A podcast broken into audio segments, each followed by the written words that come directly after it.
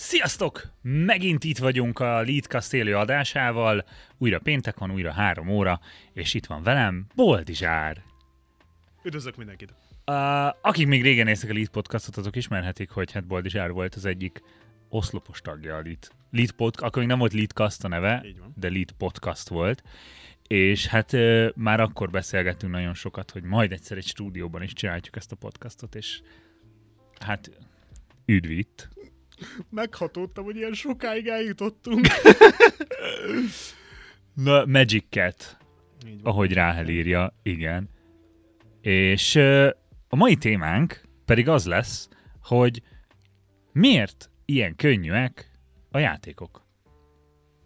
Hogy egyetlen könnyűek-e? Igazából az van, hogyha bármilyen gaming fórumon mászkálsz, vagy bár, bármilyen gaming közösségben, mindenütt találsz olyan hangokat, én nyilván a mi videónk alatti kommentokban folyton találom, hogy túl könnyűek ma már a játékok és hogy, és hogy több nehezebb játék kéne. És igazából ez az a kérdéskör, amit egy kicsit most így utána járogattunk, meg utána olvasgattunk, de hogy, hogy így előjáróban te mit gondolsz erről? Tehát szerinted túl könnyűek lettek-e a játékok?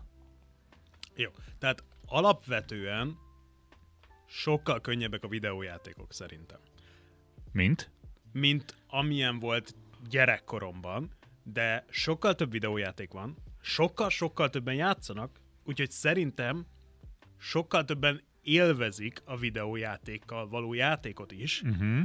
tehát nem feltétlenül egy rossz fejleményről beszélünk, és mivel sokkal több a videójáték, sokkal több olyan videójáték is van most, ami kifejezetten nehéz. Uh-huh. És kifejezetten arra csinálták, hogy azok, akik élvezik a komoly-komoly kihívást, azoknak legyen. Uh-huh. Igen. Alapvetően amúgy ezzel egyetértek, de de azzal a gondolattal is egyetértek, és akkor, és akkor itt menjünk bele, hogy amikor arról van szó, amikor valaki azt mondja, amikor ránk egy videó eszére, hogy túl könnyűek a játékok, vagy egy fórum beszélgetés, vagy mit tudom én, a legtöbb kritikát az kapja, hogy egyszerűen túlságosan fogják a kezed a játékok.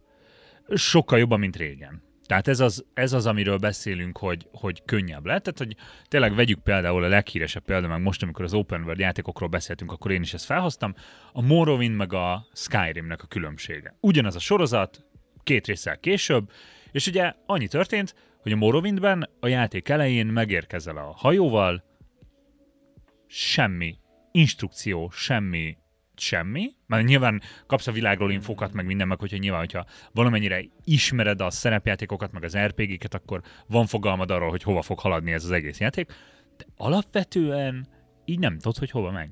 Abszolút. Én, amikor a morrowind játszottunk otthon, nekem három testvérem van, ebből egy báty és egy öcsém nagyon közel esik hozzám. Ők angol tanultak, én németet. Úgy játszottunk a morrowind hogy ők ketten elolvasták, részletesen megértették, találgattak, nézték a térképet hozzá. Nekem lövésem se volt, hogy mi történik. Folyamatosan ilyen, hogy nem aludhattál, hogyha van közödben ugye ellenfél. Én nem tudtam melyik az ellenfél, szóval mindig azt mondtam, hogy basszus kulcs, megint itt egy nearby. Mert azt hittem, hogy a nearby az az ellenfél, mert az volt az utolsó szó. Tehát semmit nem értettem, és iszonyatosan nehéz volt játszani mert hogy effektíven nem tudtam. Kellett egy másik személy, aki odaáll mellém, hogy egyáltalán nyelvben ugye átvegyem minden, és nem volt fast travel, nem volt semmi ilyesmi. Totál kiakasztotta a testvéreimet, hogy csak elindultam a világba, és olyan random elkezdtem küzdeni, és felfedezni, és lootot szerezni, semmi később Oblivion és Skyrim szinten már nem csak, hogy volt fast travel, elmutatták, hogy pontosan hova menj, hogy mi ilyesmi, de még csak nem is szerezhettél ugye valami nagyon erős dolgot. Vezettek folyamatosan egy irányba, és azon kellett végigmenni, és folyamatosan hozzá erősödtek az ellenfelek. Igen, és még, igen, tehát hogy még hogyha le is mész, tehát hogy tegyük fel, hogy tényleg elindulsz felfedezni a Skyrimbe, kikapcsolod, nem követsz egy questet se, akkor is lemész egy random dungeonbe, olyan ellenfelek lesznek, akiket le tudsz győzni, olyan dolgok lesznek a ládákban, amik így épp jók neked, de vagy, vagy legfeljebb egy picit erősek, hogy kell még egy szint, vagy, vagy ilyesmi, de, de nincs meg az az élmény, hogy, hogy tényleg bedobhat a mélyvízbe a játék, hanem, hanem teljesen szemére van szabva úgy, hogy, hogy, hogy tud, hogy hova kell menni, tud, hogy mit kell csinálni, mert ugye a másik dolog ugye a quest markerek, tehát a Skyrimben alapból elkezded a játékot, akkor azonnal ugye elindul a, a fő quest, tehát hogy eleve egy, egy olyan hát hogy is, ilyen irányított, sinen menő gameplay jelenbe kerülsz bele, ami ad egy kis tutoriát, oké, tehát nem, nyilván nem a tutoriálok teszik túl könnyűvé a játékokat, mert az azért kell, hogy az alapmechanikákat megismerd, de a tutoriál után is fogja a kezedet a játék. Tehát, hogy nincsen olyan, hogy menj el a fehér köves várba a hold alatt, meg minden, és akkor neked kell megkeresni, hogy hol van a fehér színű vár, és tudni, hogy éjszaka kell ott lenni, és akkor fog felbukkani a sárkány. Tehát ilyen nincs, hanem, hanem hogyha azt mondja, menj el ide vagy oda, akkor nem kezdesz el gondolkozni, hogy hol van, hanem megnyitod a térképet, és be van jelölve, hogy ide kell menni, és kész. Ez, ez az egyik, de tehát, hogy, hogy hiányzik az a játékokból, amit mondtál, hogy olvasni kell, hogy, hogy rá kell jönni. És hogyha visszanézel a WoW-ba, ott is ugyanez volt. És a, a, a WoW vanilla, tehát a kiegészítő mentes WoW, meg ugye amikor a klasszik bejött, akkor a klasszik, ott konkrétan a quest leírásban csak annyi volt benne, hogy, hogy menj ide meg oda, csináld ezt meg ezt, de nem jelölte a térkép, hogy hol van nem jelölte a térkép meg neked. Tehát, ha ma felmész, mondjuk legújabb kiegészítővel, hogy őj meg, mit tudom én, hány enemit itt meg itt, szépen bejelöli a térképen azt, az, mm. azt a részt, ahol spawnolnak. Annól nem volt ilyen. Ja, ja. De egyébként az jó, mit mondasz, tehát, hogy hiányzik mert nekem rengeteg játékból hiányzik. A kihívás, a challenge, és nagyon néha kifejezetten zavar. Most ugye a Hogwarts Legacy-nél beszéltük külön, hogy nyitottam egy sört, és a játék bemondta a fülembe, hogy ó, mi lenne, ha áthúznád azt a dobozt onnan, akkor megoldódik a puzzle. Én meg én csak most akartam kipróbálni, még csak most azt Én még bele se kezdtem. Igen, igen, igen, igen. Tehát az tök jó, amit mondasz, hogy hiányzik. Mert alapvetően, amikor gondolkodtam erről a podcastnak, ennek a témájáról, arra jutottam, hogy minden itt gyökerezik. Nekem a wow nem hiányzott ez, mert annyi questet kellett megcsinálni, Aha. hogy tökre örültem, hogy vezetik egy kicsit, mert így is legyőzni az ellenfeleket tudni kellett a rotációt, kellett hílálni közben, és nem ez volt a fő content, content egyébként, amit farmoltam. Ez a leveling volt, amit általában megtettem ahhoz, hogy eljussak a contenthez, amit szerettem volna. Mm. Úgyhogy volt, ahol hiányzott, és volt, ahol nem hiányzott. Tehát szerintem az, ami fontos most, így akár így a podcast elején, hogy meghatározzuk, hogy milyen gémerek vagyunk. Hogy mire van szükséged, mm-hmm. Dani, milyen gamer vagy. Én egy... Epikus. én egy tryhard multiplayer fókuszú, hardcore, kiöregedő, lustább és lustább minden évvel gamer vagyok. Nekem Igen. a fókuszom azon van, hogy multiplayer, többjátékos módba, lehetőleg ismert csapattársakkal együtt átélünk egy nehéz meccset, de felülkerekedünk, mert jó kommunikáció, ismerem a hősömet, lenyomom az ellenfelet, nincs toxikusság, és akkor érted, így megyek tovább a napom, és hú, ez most egy, egy le, learatott győzelem volt. Viszont a single playerben kifejezetten a kihívást keresem, tehát nem akarom lazázni, nem akarom az lenni, hogy oké, okay, megnyomom ugyanúgy a görgetés, mindig jókor, elnyomom ugyanazokat a spelleket, és mindenkik ugyanaz a története, nem. Akkor legalább legyen benne az, hogy ó, de kifogtam a nem tudom, legendás halat, mert 15 órával plusz raktam bele, vagy tudod, elmentem és megnéztem a vízesés mögött, hogy van-e láda. Mm-hmm. Tehát, hogy igen, legyen valami plusz, legyen valami trükk, valami elegánság. Hát érezd azt, hogy csináltál valami olyat, amit nem biztos, hogy minden játékos meg tudott volna csinálni, és igen. ezért jutalmazott téged igen, a játék. Igen, igen, igen, igen, pontosan. Tehát az, amikor bemegyek, és 16 ugrással megtalálok a Hogwarts Legacy-be egy kis chestet, és láthatatlanul mentem fel, mert akkor nincs szeme, és kinyitottam, és 500 gold esik, vagy egy rosszabb sapka, mint amim nekem megvolt, akkor így jó, értem, hozzám méri mindig, hogy ne legyen túl egyszerű később. Nem, nem, nem tetszik ne legyen hozzám mérve, ha megtalálok valami extrát, hogyha legyőzök valami négy levellel fölöttem lévő, akkor dobjon olyan fegyvert, amivel most akkor menőzhetek. Tehát legyen, nem tudom, belső logikája a uh-huh. játéknak. Igen. Ha nehezet teszek, akkor legyen valami ex- extrém dolog a jutalmam. Tehát igen, amúgy ez, ez tök érdekes, hogy a nehezebb játékok, tehát hogy, a, hogy mi a jutalom. Uh-huh. Azon is elgondolkozni, hogy mire jutalmazza a játék azt, hogy, hogy hogy valami nehezet csinálsz. Tehát nem, nem csak az, hogy nehezebb, hogy kihívás legyen, hanem mi a jutalom, mert amikor arról beszélünk, hogy szeretnénk, hogy nehezebb legyen a játék, akkor azért arról is beszélünk, hogy önmagában jutalom az, hogy nehéz, nem? Igen. Tehát de... önmagában jutalom az, hogy, hogy egyáltalán sikerült. Uh-huh. Mert én nekem például, én amikor ha arról beszélünk, hogy milyen gamer vagyok, meg milyen nehézségi szintet várok el, vagy szeretnék, akkor én megmondom őszintén, hogy a Souls-like játékokba én sosem tudtam belemerülni. Nekem az, az, az nem. az, az túl sok volt.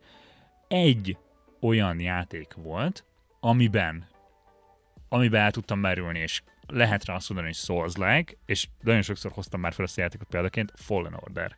Mm. Nekem az elmúlt néhány évből a, az egyik kedvenc megjelenésem volt, a Fallen Order, és, és az volt tényleg egy olyan játék, hogy nehéz volt, és rohadt sokszor felhúztam magam mm. rajta, és emlékszem, hogy a feleségem mondta mindig, hogy így miért játszol mm. vele, ha ennyire idegesít? Mert geci sokszor rage quiteltem. Mm. Tehát, hogy így, hogy így, na jó, abban kukbál, és bezártam a játékot, meg minden, de mindig visszatértem, és mindig játszottam mm. vele, azért, mert ott meg volt a tök jó jutalmam, a story. Mm. Egyszerűen szeretem ezt a világot, és kíváncsi voltam, hova halad a story. És tudtam, hogy, hogy bármilyen nehéz ez a boss, hogyha játszani akarok ezzel a játékkal, és kíváncsi vagyok, hogy folytatódik a sztori, le kell győznöm ezt a boszt. És ez volt a motivációm ahhoz, hogy legyőzzem azt a boszt, és úgy emlékszem vissza rá, mint az a játék, amin rohadt sokat récskviteltem, és nagyon felidegesített, de leküzdöttem az akadályokat. Mm. És ez, ez elönt egy büszkeséggel. És most nem, nem szeretnék olyan kommenteket olvasni, hogy jó, de nem tudom, miért sokkal nehezebb. Lesz. Nekem, nekem az volt a pont ideális nehézségi szint, amivel el tudtam boldogulni, de, de elég nehéz volt ahhoz, hogy felhúzzam hmm. magam hmm. rajta. És, és tényleg, önmagában az, hogy nehéz volt és leküzdöttem, az egy kielégítő hmm, érzés volt nekem. Hmm.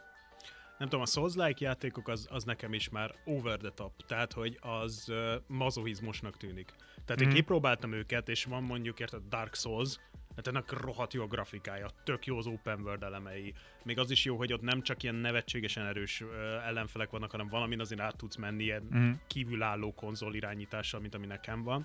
Tehát, hogy értem azt az egészet, de arra lennék kíváncsi, hogy a nehézség a kulcs, a, vagy a problémám a szolzátékokkal, vagy ez a görgős, dodzsolós, mm-hmm. akármicsoda mechanika, mert én attól félek, hogy igazából ez tart vissza. Tehát lenne egy olyan Souls-like nehézségű játék, Aha, ami célzást, lopakodást, meg nem tudom milyen kis support elemeket, vagy felfedezést, vagy minimechanikákat rakna bele, ami nem ez, hanem tényleges egy másik mondjuk, ami PC-sekhez közelebb van, vagy, vagy a célzáshoz közelebb van, vagy ilyenekre tudnék csinálni, vagy gyors tehát reakciókat. célzásra a FPS-re gondolsz. Igen, igen tehát például ilyenre, akkor ott lehet, hogy tetszene megint a nehézség. Mert a Call of Duty játékokból én a legnehezebb fokozaton, a veteránizé megpróbáltam megdönteni több pályán, a fejlesztői időt, meg mindent, tehát uh-huh. akkor nevetséges volt egy pályán, ahol 40 percig kúztam és úgy álltam föl, hogy gyerekek, hát ez az. Ez az. 40 percig nézett, de végigvittem, és végigkusztam, és mögöttem ült az öcsém meg a bátyám, és így nézték 40 percig, hogy vajon elkapnak-e. És élmény volt hármunknak az, hogy kúsztam, érted? De a Souls játékoknál sose tudtam belemerülni ennyibe. Uh-huh. Tehát, hogy neked, neked azt tetszene, hogyha van egy nehéz FPS gyakorlatilag. Igen, Tehát ahol, ahol egy belső nézetből, ahol hogy célozni kell. gyanús, hogy meg fogsz halni, folyamatosan, de más a mechanikája a nehézségnek. Tehát nem mm. ez a fajta konzolos játék harc. Ah, tehát ez a, ez a kaland rpg irányítás, igen, mint igen, a Dark Souls. Én, figyelj, nem akarom neked megirányítani, mert szerintem túl sokszor ajánlott, hogy tudod, hogy a Destiny igen, 2, az pontosan az, amire vágysz. Jó, akkor, jó, akkor inkább azt mondom, hogy a Halo, Halo Legendary. Halo Legendary, az, ja, az új Halo? Nem, a legendary nehézség a Halo-ban. Ja, ja, Tehát a, a, a Bungie Igen, mindig is híres volt arra, hogy ne, rohadt jól tud nehéz FPS-eket csinálni.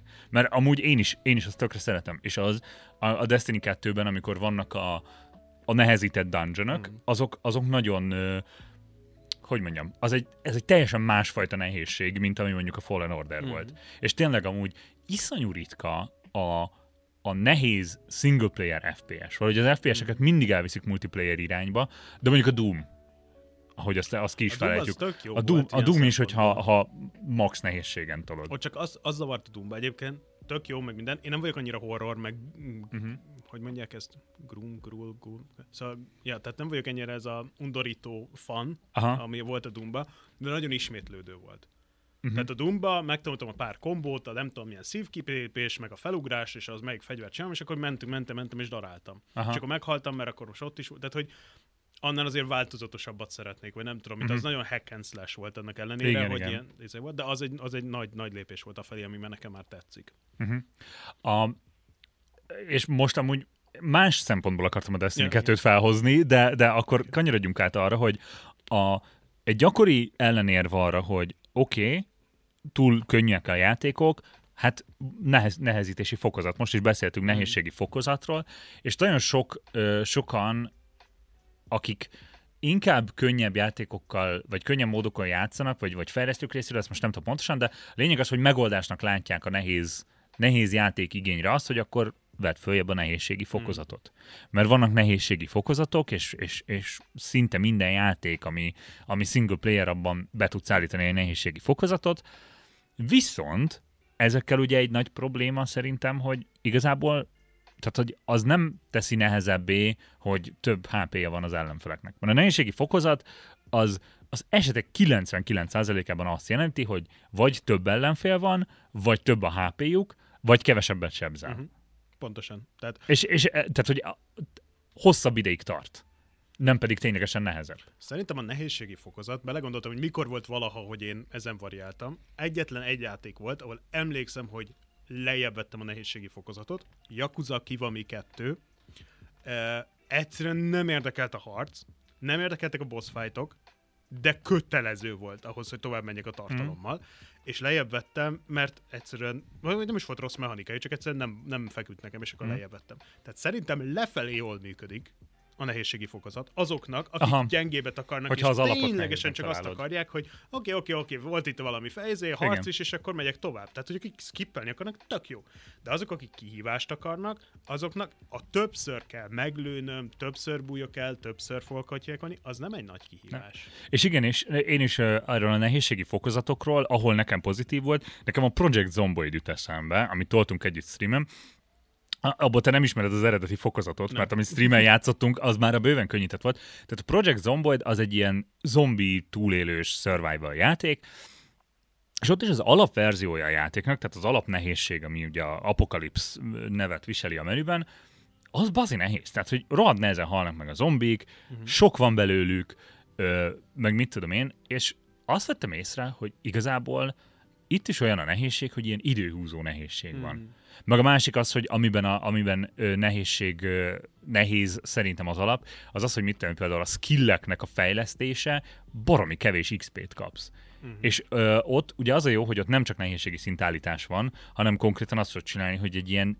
bazi hosszú szabályrendszer van, amiben bá- rengeteg mindent át tudsz állítani, és ott én mindig olyan fokozaton játszok, hogy így a, az XP rétet, azt mindig fölveszem ilyen 10-15-szörösre, és úgy lesz olyan a ját, és még úgy is egy lassú játék, de hogy így tényleg úgy olyankor, hogy így nekem nincs ennyi időm. Tehát, hogy nyilván meg tudnám csinálni, nincs abban a kihívás, hogy egy fát vágjak ki, vagy száz fát vágjak ki, de hogy így hogy így nem akarok egy egész gaming session tehát egy egész esti két-három órás játékot azzal tölteni, hogy fát vágok, hogy egy szintet lépjek. Tehát, hogy így az nem annyira élvezetes, mm. és szerintem hülyén van belőle az alapnehézség, viszont tök jó, mert lehetővé teszik, és felmész a Project Zomboid fórumokra, meg subredditre, meg mit tudom én, akkor mindenki azt mondja, hogy így Ja, én kikapcsoltam azt, hogy megfertőzhessen a zombi vírus, mert így nincs kedvem elveszíteni a karakteremet, amiatt megharapott egy zombi. Tehát, hogy így épp elég nehézség van ebben a játékban, és mindenki leveszik könnyebbre, de az tök jó, mert ott például tök egyedileg személyre tudod szabni az élményt, és pontosan az van, mint amit te mondasz, hogy lefele a nehezítés, vagy tehát a, a könnyítés, az tök jól működik, de ott is, ha, ha viszont az alap neked nem elég nagy kihívás, akkor mit tudsz csinálni? Még lejjebb veszed az XP még lassabb legyen. Hát így tök jó. Mhm. Vagy hogy még több. Jó, a még több zombi legyen, az még oké, okay, mert, az, mert ott, ott fun aprítani a zombikat, de hogy így Nagyon nincs. nagyon igazából nem, nem ad hozzá nehézséget. És akkor ebben akartam a, a Destiny 2-t felhozni, uh-huh. és nyilván nem csak ez a játék csinálja ezt, csak nekem ebből van egy jó tapasztalatom, ahol ugye vannak ezek a sima ilyen PvE dungeonok, a, a strike-ok, ami tényleg olyan, mint egy WoW dungeon, csak FPS-ben, tehát hogy van egy fix map, végigmész az elejétől a végig, tényleg mint egy Halo küldetés Mhm. olyan, és uh, ugye alapból fix enemy szám van, enemy típusok jönnek elő, mit tudom én, és aztán uh, van egy ilyen heti rotációban, hogy uh, a Nightfall, tehát hogy egy ilyen nehezebb, nehezített verzió, ami kicsit mint a Mythica WoW-ban, Uh-huh. és itt nem csak azzal lesz nehezebb, nyilván azzal lesz nehezebb, hogy magasabb szintűek az ellenfelek, és keményebben sebzenek, nagyobb a hp meg mit tudom én, viszont bejönnek olyanok, hogy championok, amik, amik mit tudom én, van egy olyan fajta champion, a barrier champion, aki azt csinálja, hogy ha túl sokat belesebzel, tehát mit tudom én, a harmadat leviszed a HP-jának, akkor felhúz egy shieldet, amin nem tudsz átlőni. Ö, vagy van a ö, ö, unstoppable champion. Az, ha észrevesz, akkor az megállás nélkül neked fog rohanni. Az követni fog téged mindenhova. És ö, vannak speciális ilyen fegyvermodok, amiket állokkolhatsz, hogy, hogy én például tudjak egy fegyvertípussal átlőni ezen a shielden, amit felhúz a izé, és akkor le tudjam stunnolni, és akkor meg tudjuk ölni, és akkor is strategizálni kell ezekkel a modokkal, meg mit tudom én, amivel, amivel így a buildedet kell tényleg befolyá... tehát módosítanod, hogy egyáltalán a labdába hogy tudj rúgni, de a lényeg az, hogy itt nyilván nehezítik úgy is, hogy HP-t növelnek, de úgy is nehezítik, hogy effektíve egy extra réteget ráraknak Mhm. mechanikában, amivel az alapjátékban egyáltalán nem kell foglalkoznod. Csak a nehezebb szinteken. És ez szerintem ez egy tök jó nehezítés. Igen, tehát a, amit mondtál a WoW-ban, a Mythicbe, abban tök sok ilyet kipróbáltak, és voltak, amik tök jól sikerültek. Nekem ott csak az a problémám vele, hogy időre meg kell csinálni. Tehát az, hogyha pagolsz más emberekkel, nem egy fix guide, nem egy fix guilden, nem fix Discordon beszéltek, akkor azért az egy, az egy nehéz dolog. De a Raid Finder és a Heroic és a Mythic, tehát a konkrét raidnek a izé, amikor kijön, az tök ilyen. Az egy tök jól megoldott dolog. Bemehetsz Raid Finderbe, senki nem nézi, hogy beraktad az elixírt, hogy velfed vagy-e, hogy fenn vannak a buffjaid, mit tudom én. Nem is kell feltétlenül tudnod a mechanikát. Egy-kétszer elve, elhúztok, egy-kétszer bebukjátok, és aztán végig tolod, tök mindegy, amennyi embere. Élvezetes, kiveszed a kontentet, kiveszel pár itemet, lehet még nagyon szerencséd, és akkor kb. ilyen heroic szintű itemet is kivehetsz, és egy tök jó élmény. De ha szeretnél ugye egy magasabb szintre lépni, belépsz egy guildbe, be, elbeszéltek, hogy ki fogja kraftolni az itemeket, ki fogja előkészíteni a, akármilyen vellumokat, a, a gemeket, a kajákat, a buffokat, minden, és akkor tudod, akkor már van üteme és minden. És akkor volt egy talán Shadowlands-es expansion, amikor én is be akartam kerülni a Ahead of the Curve legelső részébe, hát a, a guild ment ugye a, nem tudom, server first-re. Nem voltunk ugye esélyünk, de azért megpróbáltuk. És akkor végig érted, be volt oszt az időm, tudtam, úgy keltem fel, úgy ittam kávét aznap, tudod, tehát akkor már így annyira hardcore volt, meg annyira kellett készülni, hogy utána néztünk videóknak, hogy hogy lehet trükköket csinálni, elolvastuk reggel a news hogy patcheltek-e valamit, mit tudom tudod, és akkor az egy teljesen másik szint volt. És a WoW mind a három szinten el tudott találni. Uh-huh. Tehát visszajöttem két expansion később, és a Raid Findereztem, és chilleltem, és örültem, hogy ez a content is megvan. És a leghardcore része pedig kihívás volt egész végig. És a Raidnek a mechanikája, az minden hőssel, kivéve a mage uh, minden hőssel kifejezetten összetett. Én Shadow Priest-et játszottam, hát össze-vissza izzadtam és próbálkoztam, és training dumikon, érted, nyomtam a kittemet, meg raktam át a keybindjaimat, hogy működjön.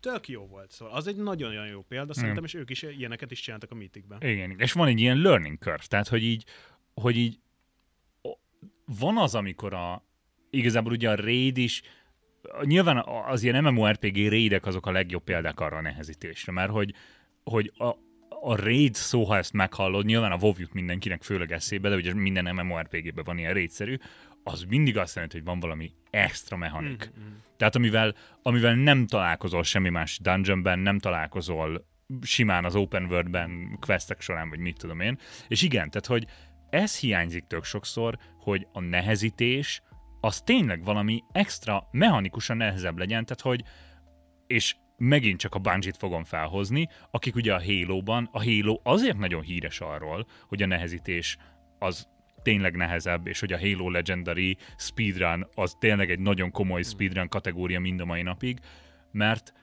ők konkrétan megcsinálták azt, hogy okosabbak legyenek az ellenfelek. Uh-huh. Tehát, hogy az, ellen, az AI-ba raktak szinteket. Tehát, hogy a legkönnyebb szinten az AI az hogyan próbál megtalálni téged, hogyan keres mit tudom én, és ahogy nehezíted, egyre több eszközük van arra, hogy megtaláljanak téged, vagy jobb, jobban célozzanak, vagy mit tudom én. És amikor, amikor látsz egy ilyen fejlesztő stúdiót, aki rak ilyen nehézséget a játékába, hát akkor tényleg azt érzed, hogy az a fejlesztő stúdió, aki csak felhúzza a HP-kat, meg csökkenti a sebzésedet, az, az nem igazi nehezítés. Abszolút. És uh, miért? Miért van ez, hogy ma már tényleg nem nehezek a játékok? Ugyanazt a mechanikát kapod mindegyikben, és egyszerűen végig szaladsz rajta. Szerintem nagyon sok kisebb tényezője van, és egy-két nagy tényezője van, hogy ez így alakult. Az egyik nagy tényezője az, hogy rengetegen vagyunk. Tehát nem csak a Covid miatt, az elmúlt 20-30 évben szerintem komoly több tízezer ember csatlakozik a valós gamer-gamer játékos közösségbe, Tehát ez, amikor én még nem, amúgy nem vagyok annyira idős, tehát amikor én felnőttem, azért már a videójáték elég klasszikus volt, de azért még egy ilyen a szülők által negatíven nézett, főleg fiúknak való, akármicsodaként volt elkönyvelve, ami szépen folyamatosan nőtt és nőtt. Több embert kiszolgálni, az azt jelenti, hogy ha kiadsz egy címet és pénzt költesz rá, és sok pénzt akarsz visszakeresni, az azt jelenti, hogy mindenkinek élveznie kell. Tehát nem elég az, hogy a Boldizsár tökre élvezi, hogy volt ott a, valami mögött egy kulcs, mert arra időt és energiát és pénzt kell fordítani, hogy ő élvezze. De mindenkinek élveznie kell, tehát mindenkinek jutalmat kell adni. Mindenkinek át kell tudnia élni az egész játékot, tehát nem lehet olyan nehéz egy első, egy második, harmadik boss, hanem az átlagos szint, az átlagos szintnek olyannak kell lennie, amin átmegy a 10 éves srác, akinek megvette az apja, mert nem nézte az age ratinget, és élvezni akar játékot, mert ő is kommentel, ő is fog szavazni, ő is fog review-t adni IGN, na IGN nem, bocsánat, a Rotten Tomato-n, hogy... Metacritic. Metacritic, bocsánat. Tehát, hogy mindenkire lőni kell, mindenkinek élveznie kell, és így az átlag, az a veterán gamer, az a hardcore gamer, aki ezzel sok időt tölt, érted? Hát egyesek már apukák itt közöttünk is, érted? Nincs annyi időm, hogy 8 órát belerakjuk egy WoW-ba és előre ideálják, érted? Tehát van ez a másfél óra, abban valami szórakoztatni fog. És mivel sokan vagyunk, sok játék készül. Nagyobb a konkurencia is, érted? Ha a Cségóba belépek, folyamatosan vesztek, esetleg azt gondolom, hogy valakik csalnak ellenem, letörlöm és megyek Apex legendezni, vagy Valorantozni, vagy akkora a verseny, hogyha nem ott kapom meg a dopamin löketemet abba a időben, amit erre rászánok, akkor megkapom máshol. És ezek mind ingyenesek, tehát hogy van, az a durva, hogy, hogy egy fillér elköltés nélkül, és, és tényleg, ez, tényleg ez szerintem nem tudom, hogy ez pontosan így nézek ki, de, de olyan érzés, mint a tényleg az lenne, hogy fognak egy fókuszcsoportot, és azt kérik tőlük, kezdje játszani a játékunkkal, írd fel, hogy mikor lett eleget belőle, és lépnél ki.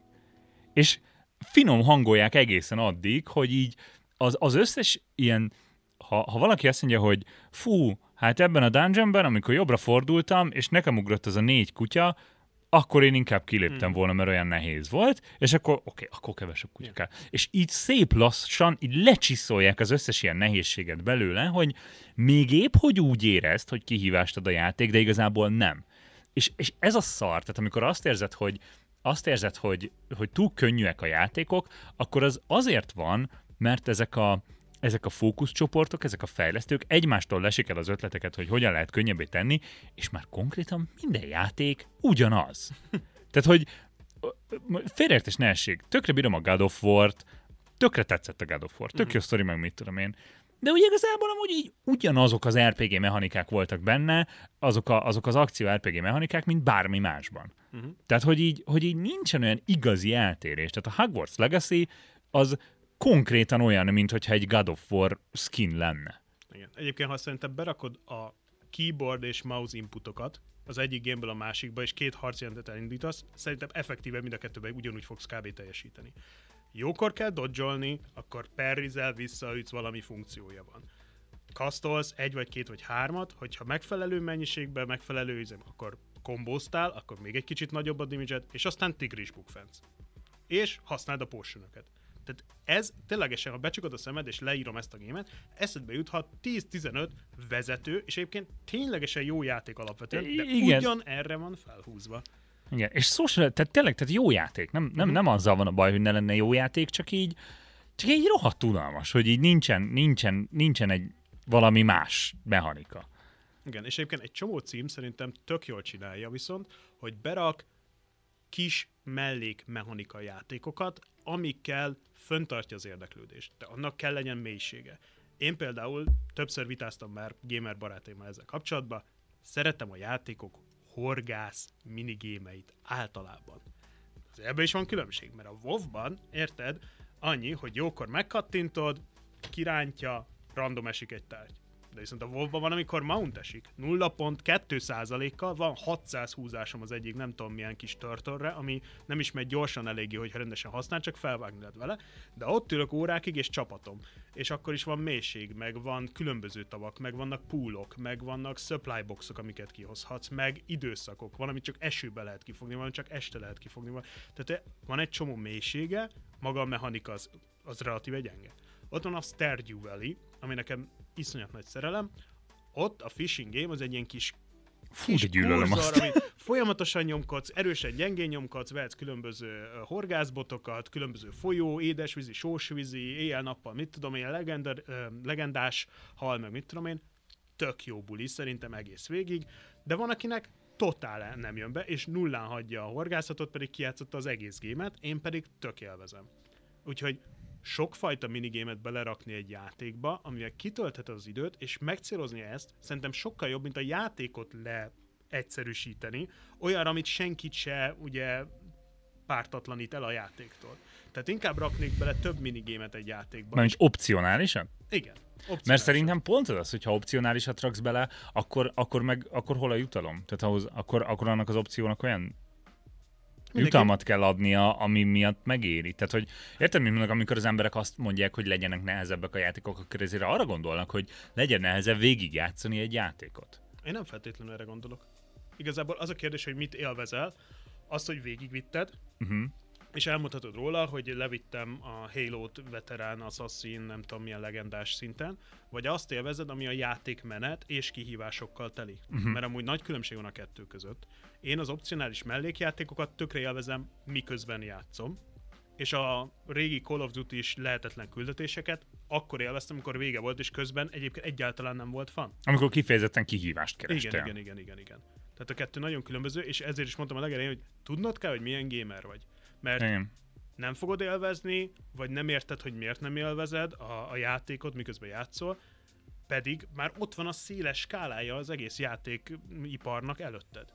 Nekem van barátom, aki az XCOM-ot, az XCOM 2-t, vagy akármi, ez a stratégiai játékot. Nekem az teljesen halál, mert mindig úgy kezdődik egy mission, hogy tudnom kéne, hogy hol vannak az ellenfelek, ahhoz, hogy jól strategizba lerakjam. Lehet, hogy valaki ügyesebb nálam, nekem ez volt a tapasztalatom, egyszerűen ezzel eltántorítottak, érted? De ott van a TFT, ami azért szintén egy stratégiai játék, vagy amit még korábban mondjuk a Settlers 2 gyerekek, ha nem játszottatok a Settlers 2-vel, szedjétek le, fönn van állati jó játék, mindegy, és ez stratégiai, viszont másfajta me- mechanikákkal van, és iszonyatosan nehéz, és közben is, és a végén is tudom élvezni. Szóval tudni kell, hogy milyen gamer vagy ahhoz, hogy élvezd. Uh-huh. Igen, én szerintem én magamról azt figyeltem meg, hogy azokban a játékokban abszolút tolerálom a nehézséget, és át tudok menni, ahol én, én ilyen nagyon ilyen sztori központú játék vagyok, és legjobban szeretem azokat, amikor, amikor kirajzolódik egy sztori a gameplay. Mhm. Tehát amikor nincs egy, nincs egy fix történet, hanem azok a játékok, ahol, ahol kialakul a sztori a véletlen eseményekkel. Tehát mondjuk a Crusader Kings-re gondolok, ahol, ahol ugye elindulsz egy fix történelmi helyzetből, de abban a másodpercben, amikor elindítod a, a, a játékot, az eltér a valóságtól, és ott egy ilyen, egy ilyen iszonyú komplex ilyen társadalmi hálót kell szőnöd meg minden, és mondjuk ott pont ez a jó, hogy ott a, a nehézség igazából abban rejlik, hogy hogyan manőverezel politikailag, Mhm. tehát hogy ott így ilyen nagyon komplex ilyen szívességek, jó kapcsolatok, rossz kapcsolatok. Van ugye egy nagy rakás szerencse benne, hogy Mhm. milyen gyereket születik, milyen genetikával, meg mit tudom én, meg milyen genetikájú párt találsz magadnak, vagy a gyerekeidnek, meg mit tudom én. Tehát, hogy egy csomó ilyen dolog van benne, de hogy azért térek mindig vissza-vissza a Crusader Kingshez, és azért indítom el újra, megint újra, meg újra, meg újra a játékot, mert tudom, hogy bárhogy legyen, bár, ha, ha, ha el is rontom, ki fog rajzolódni egy rohadt érdekes történet. És vissza tudok tekinteni, hogy ó, igen, volt a nagy bölcs király, aki mit tudom én, mennyire felvirágoztatta, és neki született az a szerencsétlen gyereke, aki kicsit túl belterjes volt már, és annyira képtelen volt, hogy tíz év alatt leigázták egy forradalommal, és, és tudod, és van egy ilyen sztori kirajzolódik, vagy amiről személyes tapasztalatod van, a Kerbal Space program. Öh, Kerbal Space programnak a difficulty körvje az, az olyan szinten magas, hogy konkrétan érteni kell az asztrodinamikához, hogy tudj játszani azzal a játékkal, hogy, hogy, hogy, hogy felküldj műholdakat az égbe. De amikor visszagondolok arra, amikor megépítettem öt különböző fellövésből egy holdbázist, és egyesével odavittem a darabokat, és leszálltam közel, és megterveztem a missionöket, és egyszer félúton kiderült, hogy kihagytam valami alkatrészt egy rakétából, és utólag oda kellett vigyem, hogy ráerősítsem, és ez olyan jó sztori alakul ki, mint, mint az Apollo 13, amikor megnézed. És ezért én hajlandó vagyok átesni ezen a, ezen a difficulty körben, ami rengeteg játékos úgy van vele, hogy így miért nem száll föl az űrhajóm normálisan? És így Igen, tehát, hogy Ezt a problémát megoldani is rohadt nehéz abban a játékban. Itt Danival nem értünk egyet szerintem teljesen, de a Kerbal Space program az nekem a top 10 anime, anime betrayal volt. Amikor a Dani, Dani rávette engem, hogy az töltsem le és játszom, és eltöltöttem egy hétvégét, és amikor vissza akartam küldeni az űrhajót a földre, akkor nem megfelelő százalékos dőlésszöggel jöttem vissza az atmoszférába, és felrobbant minden, és így hova tűnt ez a hétvégén? Pedig amúgy nagy részt a hétvégét akkor ivással töltöttük, mert egyetemisták voltunk, de még ahhoz képest is rémesnek tűnt.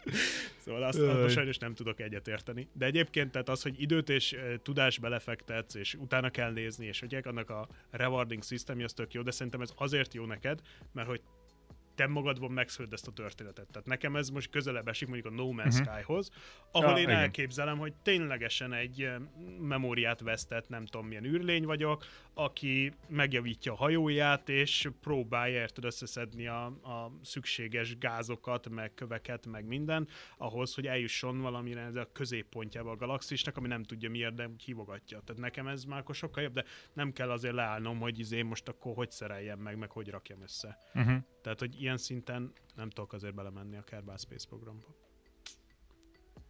Igen, de hogy maga a No Man's Sky is amúgy, hát mondjuk jó, amióta abban már, már van sztori, abba- azóta azért kevésbé van egy, ez, a, ez az emerging story, de, de, de hogy a lényeg az, hogy a nehézség az pont, hogy feljavítja a játékelményt egy csomószor tényleg. Tehát, hogy, hogy hozzátesz az, hogy keresztül kellett mennem a nehézségem, mert pont azért, mert a nehézsége miatt elrontottam a játékot, attól lesz fun a sztori. Számomra.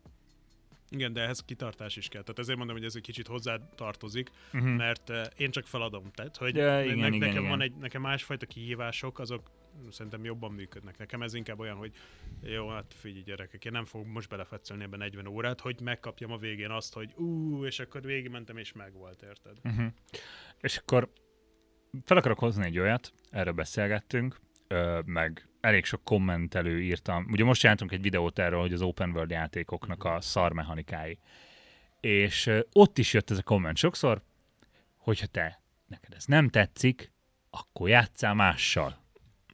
Igen, és egyébként, Ha kihívást keresel, akkor keres egy nehéz játékot, és játsszál azzal. Miért nem jó az? igen, egyébként részileg igazuk van ezeknek a kommentelőknek, rengeteg cím van, mindenfajta zsanrából és mindenfajta dologból lehet választani, de azért nem nagy ö, elvárás szerintem attól, hogy egy nem tudom hány éve ki nem jött ö, új Harry Potter játékot, amiről mindenki beszél, és nekem a Harry Potter generáció, hogy mond- mondtuk magunk, pont benne vagyunk, hogy én azt ki akarom játszani, és élvezni akarom, mert ez Harry Potter, ami nekem egy nagy gyerekkori élményem volt, és abból nem fog kijönni nagyon nehéz változat Boldizsárnak olyan mechanikákkal, ami ezt őt lenyűgözi. Abból egy fog kijönni, és én élvezni akarom.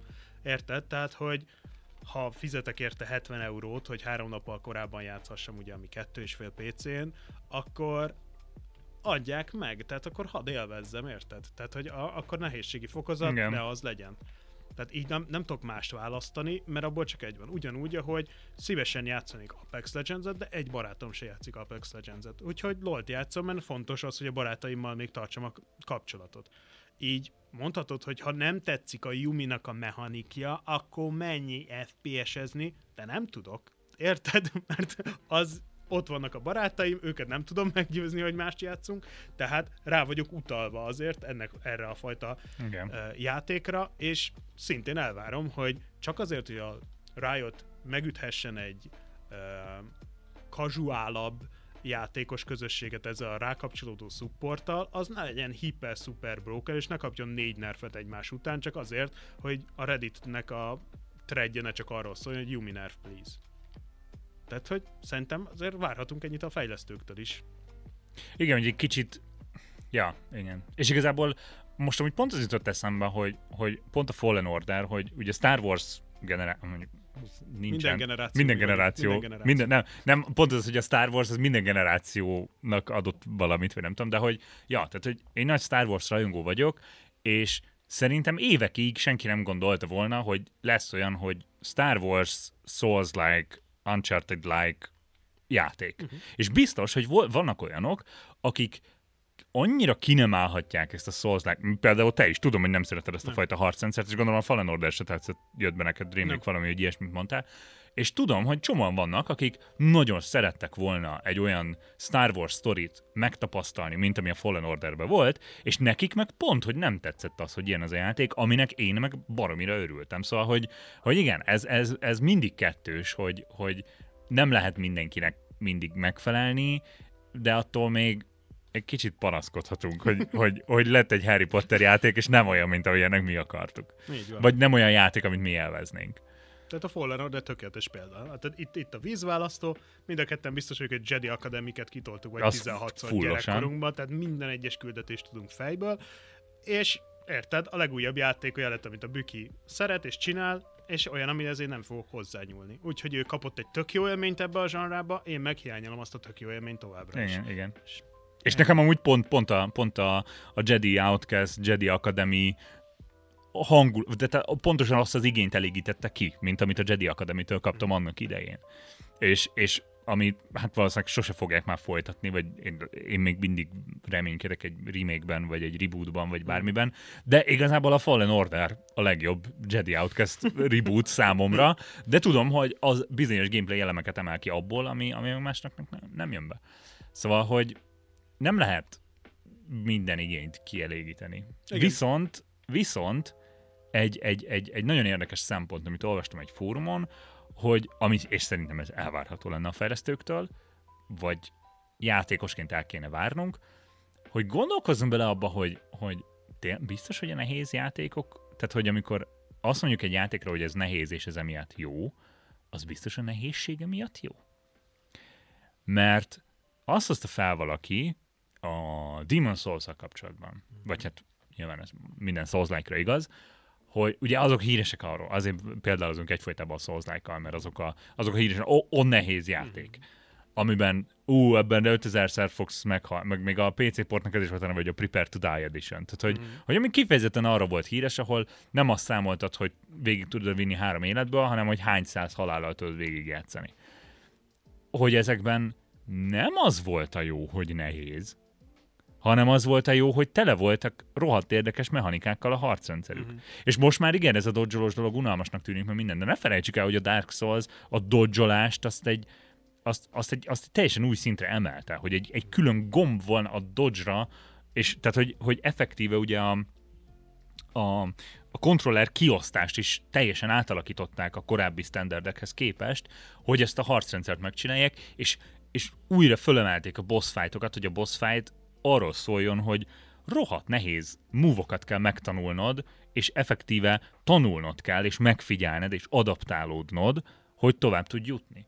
És igen, ez nehézé is teszi, de nem az a jó benne, hogy nehéz, hanem az a jó benne, hogy baromi sok mechanika volt. Uh-huh. Oda kellett figyelned. És, és az a baj ezekkel az olyan RPG-kkel, és, és ami miatt én megmondom, hogy szerintem minden mai napig nem játszottam végig a Skyrim-et, uh-huh. hogy nekem rohadt unalmas. Mert konkrétan ilyen autó, autópilóta módon végig lehet menni rajta. Tehát alig kell gondolkoznom, semmit nem kell gondolkoznom. Oda megyek, kat, kat, meghal, izé, kicsit lopakodok, kicsit ezt csinálok, kicsit azt csinálok, és az open world játékokkal is ez a bajom, hogy annyira le vannak egyszerűsítve, és annyira jönnek ugyanazok a mechanikok, hogy így nem, nincs benne kihívás számomra abba, hogy grindoljak valamit száz órán keresztül agyatlanul. Uh-huh. Hogy ne, fi- ne kelljen odafigyelnem. Én szeretnék odafigyelni arra a játékra, és szeretném, hogy elvárjon tőlem a mechanika valami tanulást, valami adaptálódást. És ez szerintem elvárható lenne a fejlesztőktől, hogy mechanikailag érdekesek legyenek a játékok. Uh-huh. Milyen szerinted egy, mi, a, milyen szerinted a legjobb mechanikailag játék mondjuk mostanában? Tehát mi az, ahol, ahol azt mondod, hogy ha nem is tökéletes, de mondjuk ezek a mechanikák, vagy ezek a harc és felfedezés és nem tudom mit, tehát bármilyen vegyel össze, már bármilyen vegyületben vagy összemosásban elégedett vagy azzal, amit beleraktak.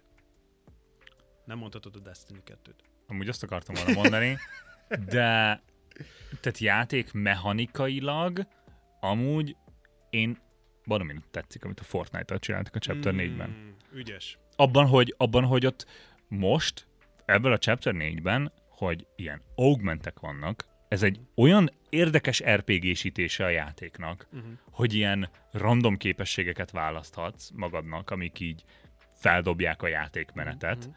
és úgy dobják fel a játékmenetet, hogy tehát ö, mindig is voltak ö, ilyen ö, extra itemek, amik leesnek, mint ami most a, a Kamehame, vagy a Deku Smash, vagy a mit tudom én, régen is volt az Infinity Glove, meg mit tudom én. Az viszont olyan, hogy tudod, hogy az leesik, és valakinek meg lesz a játékban. Viszont ezek az augmentek meg behoztak egy olyat, hogy így nem tudhatod, hogy kinek lesz luffy ebben a játékban. True. Vagy hogy ki fog ö, ö, ki, ki használ olyan sprintes ugrást, amivel háromszor akkor átugrik sprintere is után, és nincs fall damage Tehát, hogy ez szerint nekem ezért tetszik ez az augment dolog, hogy rengeteg extra mechanikát, ami jó, korábban már látott mechanikák, de hogy nagyon érdekes kombinációkban jönnek elő. Tehát az Epic Gamesnek egyébként nem is csak az, hogy most tök jó állapotban van a game de a folyamatos fix megújulás, amit várhatsz. Tehát egy hónap múlva, amikor belogolsz, tuti, hogy nem úgy fogsz játszani, mint az előző hónapban, mert nem lehet. Egyszerűen. Az előbb voltak pajsok, volt Deku Smash, azelőtt rejtesz, rejtőzködtél a busba, és akkor nem tudom mi, utána Hammerrel áthúztuk az egész pályát, azelőtt a kocsik teljesen validak voltak, akkor volt rakétavető, nem volt rakétavető, ugye az építés, vagy a, no, no ép, tehát a nem építhetős mód Igen. különbsége. Tehát ott a folyamatos megújulás az egy hatalmasan tök jó és pozitív dolog, mm. mert a mechanikák cserélődnek, a játékot cserélik, sose unatkozol. Nem ugyanaz, Cségóba belogolsz a Dust 2-be, a Dust Dust map, Dust 2, Dust 2, Dust 2 azt hittem a hülyeséget mondok. Dust 2 mapra, az úgy fog kinézni, az AVP is ugyanott lesz, most tudom, hogy pont változtattak rajta, úgyhogy minimálisan nem ugyanaz lesz, de hogy így érted, az, az statikusan az. Annak is megvan a romantikája, és én azt is tudom élvezni, de az egy kialakult meta, Igen. és az az lesz, amíg az Epic Games-ben nem. Amin, amin a, tehát a Valve gond nem is mer változtatni. Tehát képzeld el, hogy hmm. megnyitod a buy menüt, és nem ugyanezek a fegyverek vannak ott. Okay. Hát te összedől a világ, érted a cségóba. A Fortnite-ba ezek van egy van egy patch, és hirtelen már nincs benne az a fegyver, amivel tegnap még játszottál, és főleg mit tudom, most chapter váltásnál, amik most már azért nem is olyan hosszú időt, majdnem évente követik egymás már a chapterek, ott így teljesen új fegyver készletet kell megtanulni. Tehát a Chapter 3-ban megtanultuk a izé, oké, okay, Hammer, uh, Rifle, már a nevüket is elfelejtettem, hogy mi volt a neve, de azt tudom, hogy Hammer, fogod a Hammert, kell egy izé, egy valamelyik sniper, beveszed, tök jó, ezek az itemek, mit tudom én. Jön az új Chapter, az előző fegyverekből semmi, hmm. és az összes fegyver más és teljesen újra kellett tanulnod, hogy akkor mi, mi, mi hogy működik, mi hogy működik, és ezért minden szezon, ami néhány havonta, teljesen megújul a játék, mm-hmm. és, és ez ad egy olyan felfedezés örömét, hogy izgalmas, hogy újra meg kell tanulnom egy rakás új mechanikán. Nyilván a chapter még a map is átalakult teljesen, tehát fel kell fedezned az összeset, hol vannak jó magaslati pontok, mit, hogy lehet csinálni, mit tudom én. Igen. És ebből a szempontból rohadt sok mechanika van ebben a játékban, és tegyük hozzá, egyik sem ilyen mellékes. Tehát egyik sem ilyen elhanyagolható, hanem, hanem bármilyen mechanikát alkalmazhatsz azért, hogy végső soron nyerj, mert ott nyilván a győzelem a mhm. végcél mindig.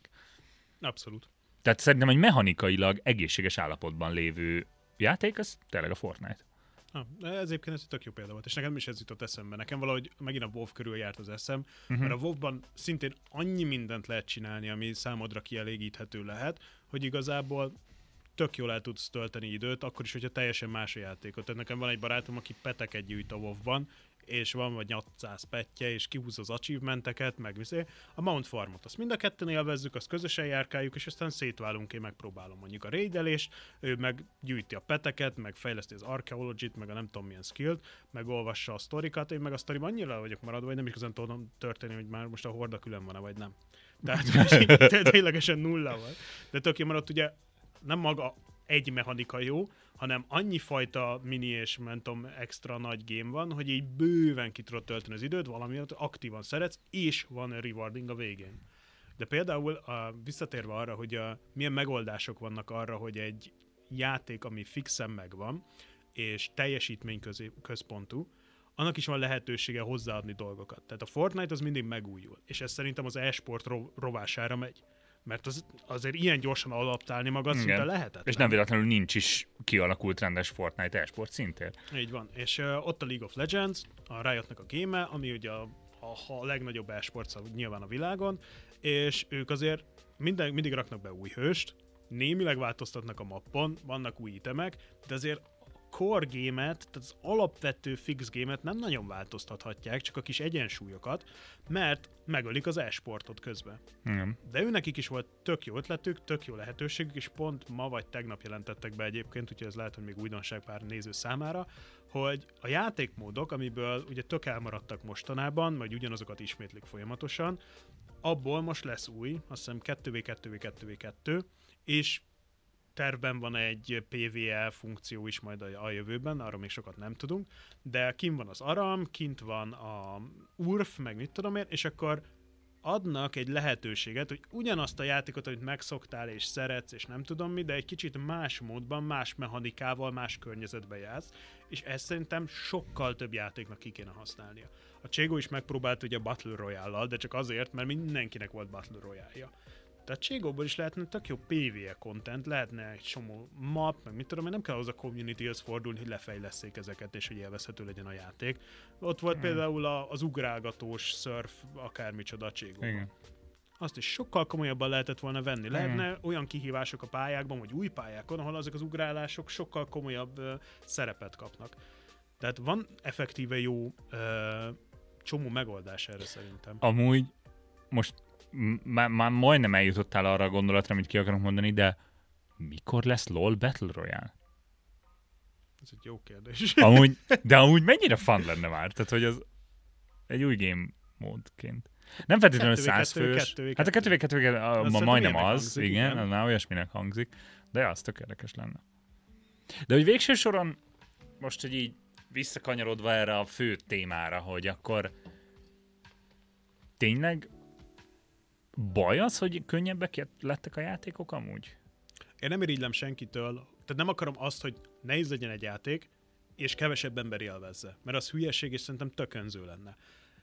De szeretném, ha lenne kihívás. És ez most nagyon friss ez az élmény, és mindenki nézze el nekem. Én nagy Harry Potter fan vagyok, jártam a quizre, rengeteg olvastam könyveket, fejből tudom filmeket, tényleg, tehát hogy benne voltam ebbe a kultúrába, kijött a Hogwarts Legacy, és amúgy tetszik a nagy részt a grafikája, nekem nincs, nincs bajom annyira az open world koncepttel, viszont azzal, hogy úgy töltöd meg tartalommal, hogy ismétlődő tartalommal töltöd meg az open world azt szerintem nem annyira okés. A Legend of Zelda-t, ha valaki kiátsza, az open world az Breath of the Wild. Breath of the Wild-ot, akkor tudja, hogy miről beszélek, az egy jó megoldás, ez szerintem egy kevésbé jó megoldás.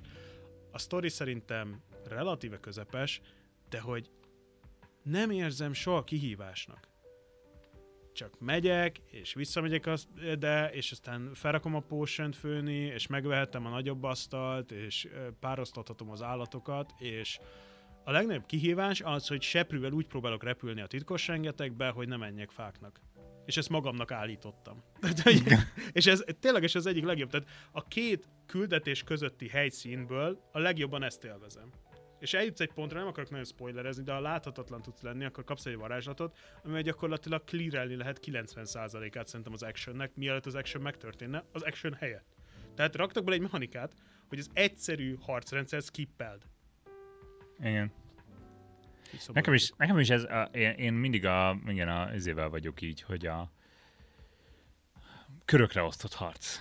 Mm. Ki nem állhatom. Tehát, hogy így gyűlölöm ha meghalom, hogy körökre osztott játék, akkor ki se próbálom. Mert De mi a off. Heroes igen. Négy, az se. A Heroes 3-at amúgy imádtam, uh-huh. Heroes egy időben, és nem értem, hogy miért szerettem, mert úgy utálom a körökre osztott. Tehát, hogy szerintem lehet, hogy, lehet hogy, hogy valahol ez a trauma nekem a Heroes 3. Lehet, hogy, lehet, hogy egy következő podcast adásban beszélünk arra, hogy miért traumatizáltak a körökre osztott játékok, de hogy így nekem abból annyira elegem van, annyira lassú, annyira megakaszt, és vannak olyan játékok, ahol ahhoz skippelheted a körökre osztott harcot. Tehát, hogy uh-huh. tudja a fejlesztő, hogy szar az a mechanika, amit belerakott, de nem próbálja meg megoldani valahogy jobban, hanem inkább átugorhatod. Ugyanez a fast travel-lel.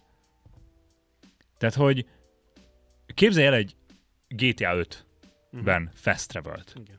Miért nincs a GTA 5-ben fast travel? Mert rohadt jó vezetni az autókat. Tehát, hogy a GTA 5-ben is egy baromi jó dolog egyik küldetés helyszínről a másikra elmenni autóval. Eszembe nem jutna fast travel De egy Skyrimbe elsétálni a map egyik végéből a másikba, az, az nem fán. Akkor még nincsenek közelebb. Igen, és a probléma az, hogy szép nagy térképet adtak, vagy ugye egy csomószor ez is egy, tehát még most is, de évekkel ezelőtt egy nagyon nagy fontos pont, hogy mekkora a pálya, amit a, az új játék ad. Tudod, mint a Fallout négyszer akkora lesz, és változó égajlati viszonyokkal. És ja, de mivel töltöd meg ezeket a hatalmas geppeket, érted? Igen. Tehát az lovaglás lesz. És aztán ennyi, lovagoltál. És akkor van mellett egy bánya, amit 13 ezerszer már levertél, mert ugyanaz a bánya, ugyanarra a folyosóval, ugyanazzal a kinézettel, ugyanaz a... Tehát, hogy nagyon figyelni kell arra, hogy mennyire nyújtod meg a tartalmat, mert különben ilyenekre vagy utalva akkor, hogy oké, okay, van egy 16 millió hektós pályám, de minden egyes bolygó ugyanaz, és akkor repülhetsz közöttük szabadon. Oké, okay, kösz. Jó. Csinálj meg egy bolygót, az legyen érdekes, izgalmas. Igen, Tehát- igen, igen, igen. Uh, jó, igen, van, van fast travel a GTA 5-ben taxizás, de Mm. szerintem soha nem használtam a Soha. fast travel mechanikát a GTA-ban. Tehát szerintem, nem tudom, hogy van erre, stati- biztos, hogy a fejlesztőknek van statisztika, hogy ki, menny- ki hányszor használja a fast travel-t uh, Mm. egy játékban. Szerintem ott nagyon egyértelműen kijön, hogy a GTA-ban szerintem rohadt kevesen használnak Mm. fast travel-t. Mert ott egyszerűen fan a közlekedés. De a lovaglás az nem annyira fun, mint egy autóval száguldozni. Vagy lehet? Bom, bom, bom. Na mindegy, de ez már, ennek már nincs köze a nehézség, ez meg visszakanyarodtunk oda, Ja, hogy ez az open world videómnak a folytatása, ami nem baj, igazából kicsit lazán lehet értelmezni ezt a podcastot, de hogy szerintem igen, én végső soron azt a, azt a tanulságot szűrném le, hogy, hogy, hogy legyenek már bonyolultabb mechanikák. Ne ugyanaz a játék legyen minden akció RPG, ahol csak azért emelkedik ki számomra a Fallen Order, meg a God of War, mert jó a sztoria. És ez jó, oké, legyenek jó sztoriak a játéknak, de hogy legyenek már helyzetek, ahol gondolkoznom kell, vagy, Mhm. ahol, vagy, ahol, vagy, vagy ahol megdolgoztatják az agyamat, ahol tanulnom kell egy kicsit. Mert szerintem az emberi agy alapvetően szeret tanulni. Tehát, hogy ez biológiailag úgy vagyunk kialakítva, hogy endorfint kapunk akkor, ha valami bonyolult kihívást megoldunk az agyunkkal. Mert ezért éltünk túl több százezer, vagy ezért fejlődtünk oda, ahol vagyunk több százezer év alatt.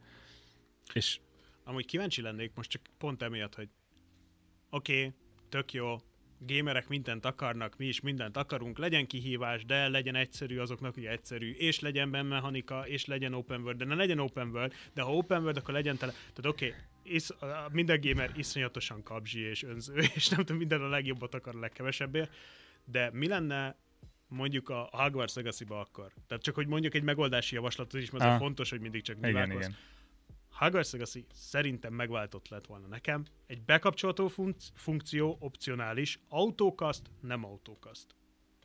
Egyszerű embereknek, akik nem akarták a harcot túlhúzni. Tök jó ez, kattintasz, spell. Ed kattintasz, bombárta, mit tudom én.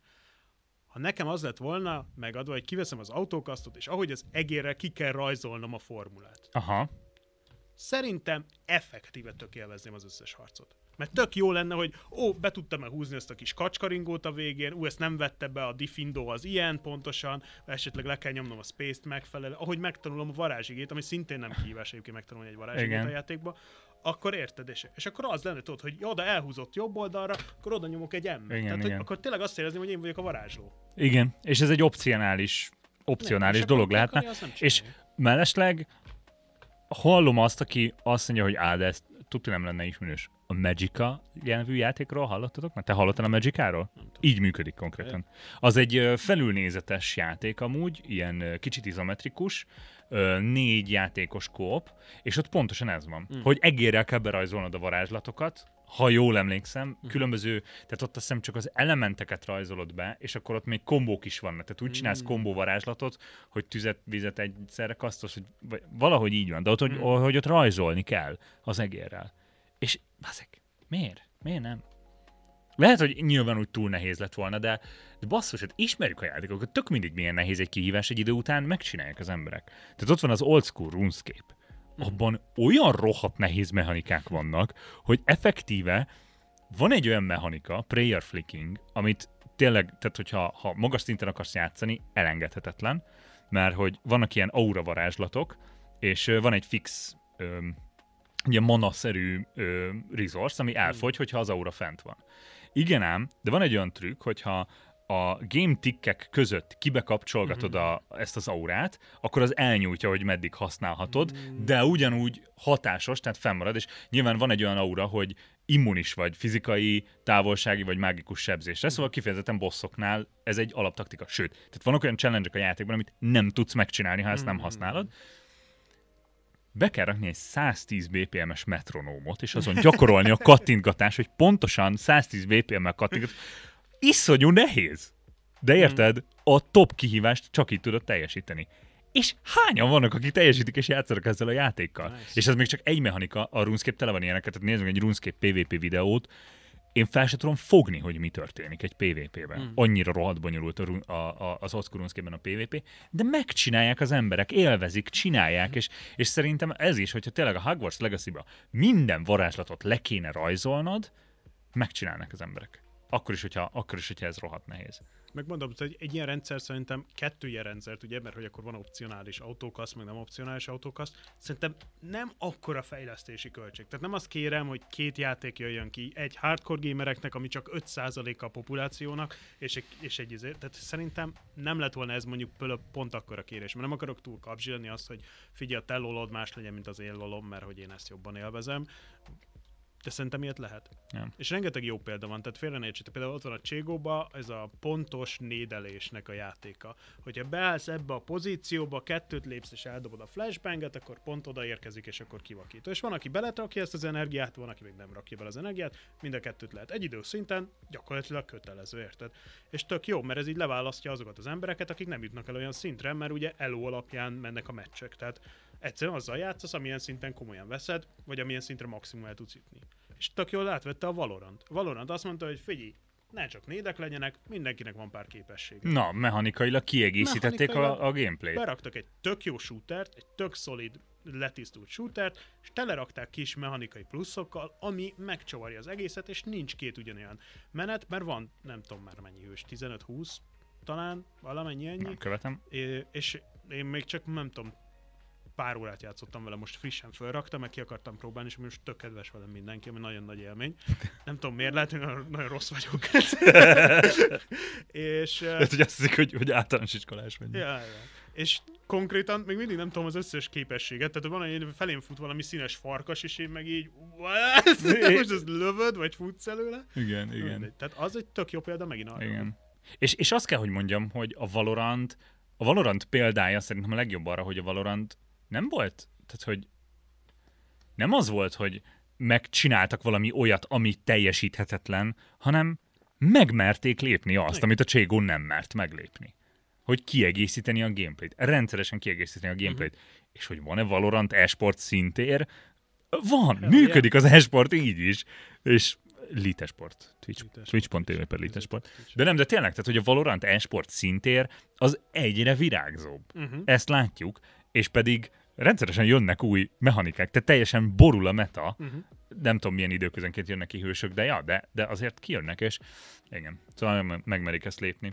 Úgyhogy ö, ö, lehet nehezíteni mechanikákkal, legyenek új mechanikák. És a végén szeretnék néhány dologra válaszolni, mégpedig, hogy Surda írta. Legyen már olyan leadcast, mint régen, Áron Boldi, Dani nosztalgiázni kéne. Olyan jó volt, amikor a green screen előtt beszéltetek, meg oltottátok egymást. Szerintem egy olyan podcast volt a legelső, a legelső livestream a YouTube csatornánkon, amikor green screen előtt ültünk mind a hárman.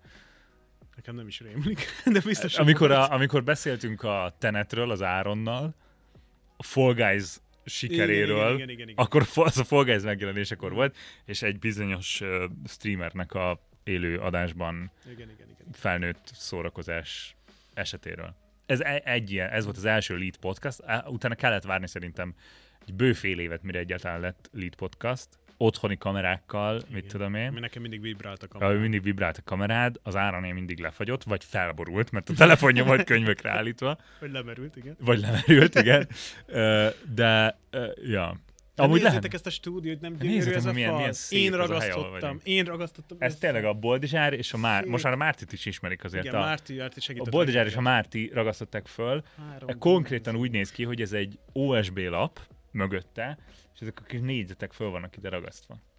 Hmm, Nagyon szép. Tök jól néz ki szerintem. Volt led is mögötte, mert nem tudjuk hol van.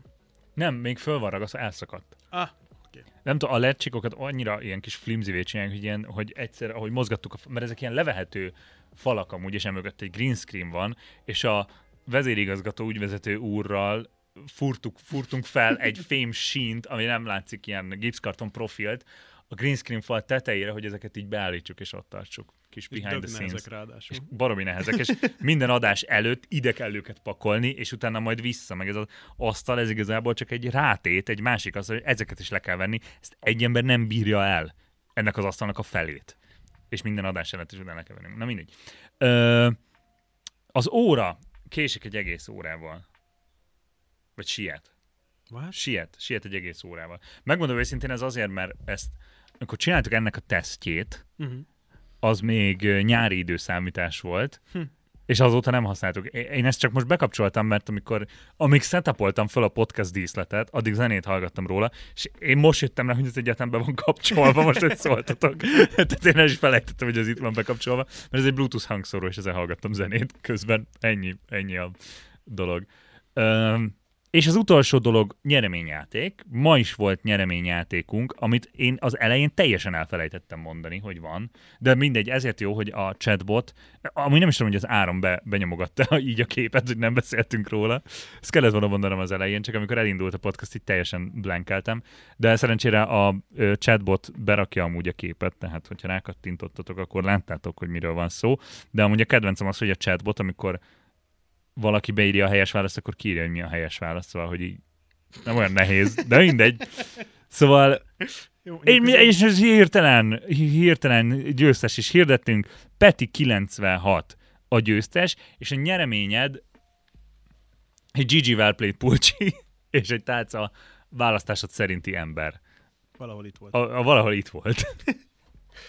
De De a Gigi Well pulcsi, Played- mind a fekete Gigi aktívan. Well Played Pulcsi, hogyha követitek a létes cuccokat, szerintem 6 milliárdszor láttátok már rajtam. Hm. Uh, amit amúgy mit csinálunk? A Boldizsár tervezte konkrétan ezt a logot, tehát a GG Well Played az a saját premium gamer ruházati márkánk, amit majdnem beindítottunk. Annyira beindítottunk, hogy legyártottunk belőle néhányat, de, De lesz folytatása is egyébként. de lesz folyt. Én Tök- nagyon szeretném csinálni, mert amúgy full őszint, ezt mindig elmondom, nem azért, mert Mm. nekem ebből bármi anyagi hasznom lenne, iszonyú kény... Nagyon szeretem hordani ezt a pulcsit, mert Effektíve iszonyú jó. kényelmes. Annyira jó az anyaga, meg minden, hogy rohadt jó az a pulcsi, mindegy.